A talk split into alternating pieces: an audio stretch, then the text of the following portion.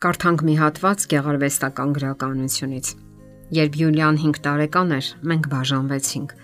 Այլևս չէինք կարող իրար հետ ապրել։ Մենք հեռացանք իրարից առանց դառնության եւ մնացինք լավ ընկերներ։ Ինձ տանջում էր միայն այն միտքը,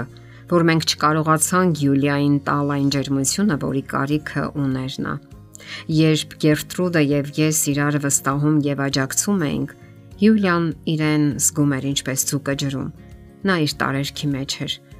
Երբ լարվածություն էր նկատում մեր միջև, վազում էր մեկ մոր մոտ, մեկին եւ հավատացնում, որ սիրում է մեզ։ Բերնհարդ Շլինգ ընթերցողը Աղջկա համար հայրը իդեալական անznավորություն է, կարելի է ասել իր իդեալն է։ Իսկ թե ինչպիսին է հայրը, կարող է պատասխանել միայն փորձագետը, հոր սեփական զավակը։ Հայրական կերպարը երեխայի համար կատարյալ օրինակ է։ Իր հոգու խորքում նա լավագույն զգացումներն ունի ծնողի հանդեպ, իսկ երբ այնտեղ դատարկություն է, փորձ է արվում ինչ որ ձևով լցնել այդ դատարկությունը, որովհետև այդ պահանջմունքը հարկավոր է բավարարել։ Մանկական հոգեբան Տատյանա Բեդնիկը գրում է.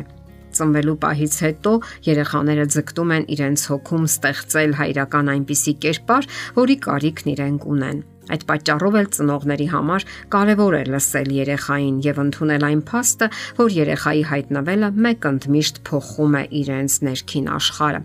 Դառնալով հայր տղամարդը նոր որակ է ձեռք բերում, մտնելով իր կյանքի համար մինչ այդ անծանոթ մի նոր ոլորտ իր ցանկացած կարգավիճակում, լինի ամուսնացած, ամուսնալուծված կամ կինը մահացած, տղամարդը այնքան դակագործն է, որ կանգնած է քարե հսկայական զանգվածի առաջ եւ մտածում է, թե ինչ պետք է կերտի նրանից։ Իհարկե դժվար է դուստրը մեծացնելը, որովհետև նրա միջոցով է, որ դուստրը զգում է սեփական արժեքը։ Մայրական դասյարակությունը նույնպես կարևոր է, սակայն հայրը այն իդեալն է, որի միջոցով աղջիկը ճանաչում է տղամարդկային հոգեբանությունը եւ հետագայում մեծանալով նա իր ընտրություններում առաջնորդվում է ստացած գիտելիքներով եւ հոգեբանությամբ, ընտրյալների մեջ փնտրելով հայրական կերպարը։ Արդյոք ընտրյալը նման կլինի հորը, թե նրա լիակատար հակապատկերը կլինի, բոլոր դեպքերում հաշվարկի ելակետը հայրն է։ Հարկավոր է հիշել, որ տղամարդն ընտանիքում խորհրդանշում է հեղինակությունը։ Դա հաստատուն ու վճռական ձայնն է, արգելքները, եւ նրա խոսքերն ու հայացքները ուղեկցում են դստերը նրա հետագա ողջ կյանքում, դժվար թե երջանիկ պահերին։ Ցավոք հայրերի մեծ մասը լիովին չի կարևորում այն դերը, որ ունի դստեր հոգեբանական զարգացման մեջ։ Շատ հայրեր ցավոք ուշացումով են գիտակցում, որ իրենք լուրջ սխալներ են թույլ տվել դստեր դասերակցության գործում, ու թեկուս փորձում են ուշացումով կարգավորել հարաբերությունները, այլևս հնարավոր չի լինում հետ բերել կորցրածը։ Հոգեվեր լուծաբան Դիդիե Լորիոն գրում է. Ես պարզապես ցնցված եմ այն փաստից, թե որքան հաճախ են կանայք հոգեբանի հետ հանդիպումներում խոսում հենց այն մասին, թե ինչպիսի հայացքով էր նայում իրենց հայրը, ինչպիսին էր այն՝ քնքուշ, սիրովլի, թե խիստ ու անհանդուրժող, քաջալերական, թե պարզապես համակերպված։ Եվ դա շատ բաներով սահմանում է աղջկա կյանքը։ Մեկ այլ հոգեբան Ես միակն եմ իմ տեսակի մեջ գրքի հեղինակ Եկատերինա Միխայելովնան գրում է. Յուրաքանչյուր աղջիկ կարիք ունի անկեղծ հետաքրքրության իր կյանքի, մտքերի ու զգացմունքների հանդեպ եւ շահագրգիռ անկեղծ հայացքը այն առաջին ու գլխավոր նվերն է, որ կարող է ապարգևել հայրը աղջկան։ Եվ ահա հայրական այդ ուշադրությունը կդրսևորվի նրա հետագա անznական հարաբերություններում, ընկերուհիների, ընկերոջ հետ հարաբերություններում Դրանից է կախված նաև նրա ինքնագնահատականը։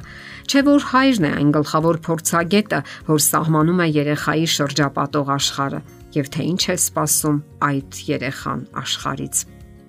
Կարևոր գործոն է նաև հոր եւ մոր հարաբերությունները, ինչի մասին նշում է հոկեբան Եկատերինա Միխայելովնան։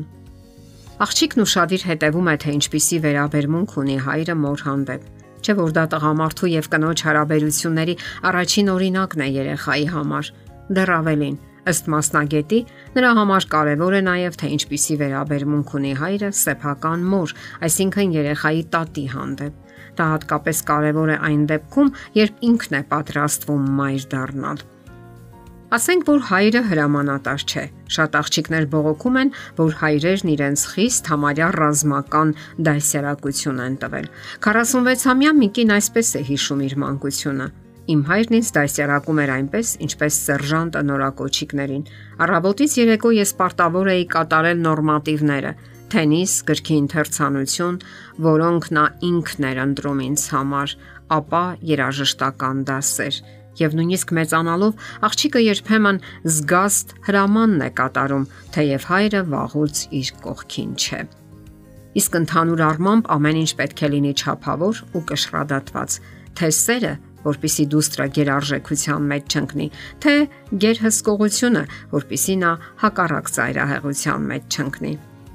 Հասկանալի է նաև, որ հայրն ինքը մանկուց եկող իր պատկերացումներն ու սահմանումներն ունի նա եւս որոշակի դասերակցության արդյունք է եւ այս շղթան շարունակվում է սերնդեսերունդ սակայն միտեղ այն պետք է կանգ առնի եւ ընթանա գիտակից ու խելամիտ հունով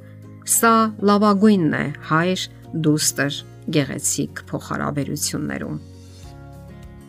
եթերում ընտանիք հաղորդաշարն է Հարցերի եւ առաջարկությունների համար զանգահարել 033 87 87 87 հեռախոսահամարով